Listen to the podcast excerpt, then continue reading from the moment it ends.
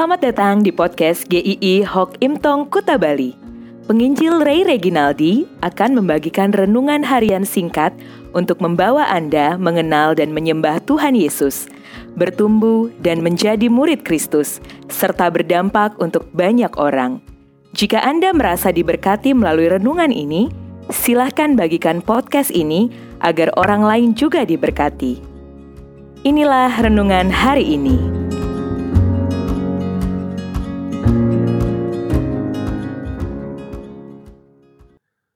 Injil waktu krisis, kisah para rasul 16 ayat 31. Jawab mereka, Percayalah kepada Tuhan Yesus dan engkau akan selamat, engkau dan seisi rumahmu.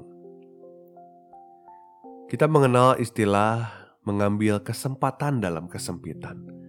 Biasanya istilah ini dikonotasikan negatif, di mana seseorang mengambil keuntungan di tengah-tengah kesulitan orang lain. Tapi kesempatan dalam kesempitan ini tidak selalu harus dimaknai negatif. Kita bisa melihat dalam sudut pandang bahwa di tengah-tengah krisis ada kesempatan yang baik untuk bisa dilakukan. Seperti firman Tuhan yang kita renungkan hari ini. Saat itu Paulus dan Silat dalam kondisi yang krisis.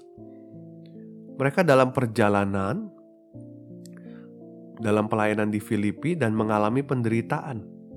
Mereka ditangkap, lalu mereka dituduh sebagai pengacau, mereka didera artinya mereka dipukuli di muka umum dengan menggunakan tongkat sampai tubuh mereka luka, lalu dimasukkan ke dalam penjara dengan dipasung persis seperti seorang penjahat. Mereka ada dalam saat-saat krisis, mereka menderita dan diperlakukan sangat buruk.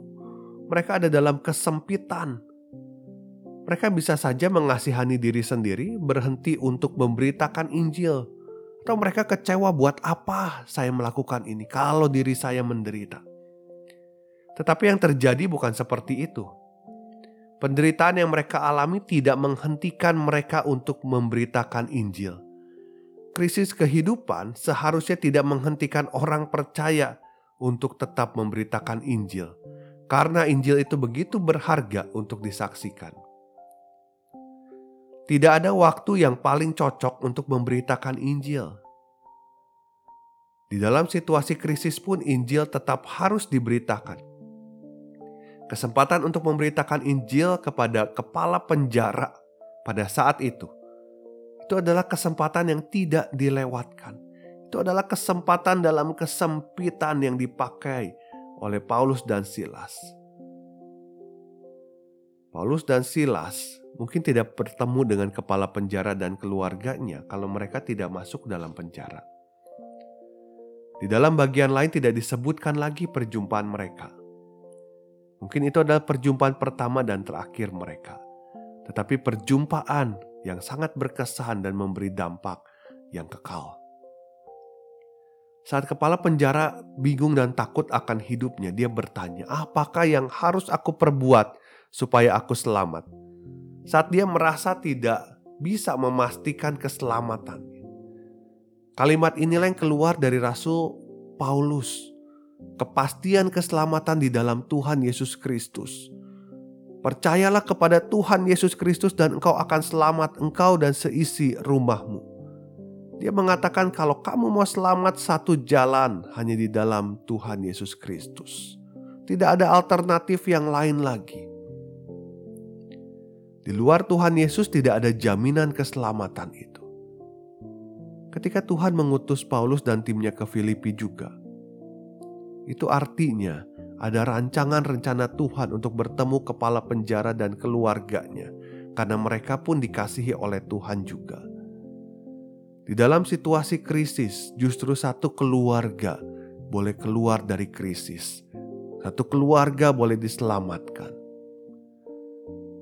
Tuhan Yesus di dalam masa-masa paling sulit di dalam jalan salib itu begitu menderita, begitu menyakitkan, tapi dia tetap menyatakan dirinya mengasihi manusia.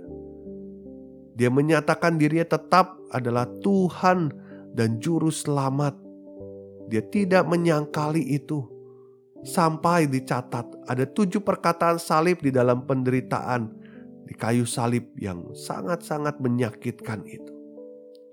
Di salib yang hina itu, dalam krisis yang sangat mengerikan itu, justru dia menyatakan kasih dan keselamatan yang nyata. Apakah pandemi ini situasi yang tidak cocok untuk memberitakan Injil? Kita lagi dalam kondisi krisis krisis dalam berbagai hal. Tetapi biarlah kita melihat justru di dalam masa pandemi ini, Injil tepat dan tetap harus diberitakan. Injil itu memberitakan kepastian kepada setiap orang yang sedang menghadapi ketidakpastian. Situasi ini pasti berat untuk banyak orang, termasuk mungkin Anda juga. Tetapi marilah kita memohon pimpinan Tuhan untuk kita bisa memberitakan Injil di dalam situasi seperti ini. Berdoalah, tanyalah kepada Tuhan, siapa orang-orang yang perlu mendengar berita Injil, apa yang harus dilakukan, apakah melalui media sosial, apakah itu kepada keluarga kita, apakah rekan kerja kita, atau tetangga kita.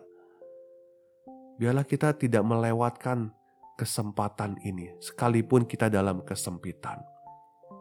Justru di masa krisis ini, mungkin Tuhan menghendaki Anda bergerak untuk memberitakan Injil, supaya lebih banyak orang memiliki kepastian di tengah-tengah ketidakpastian ini, dan mereka diselamatkan.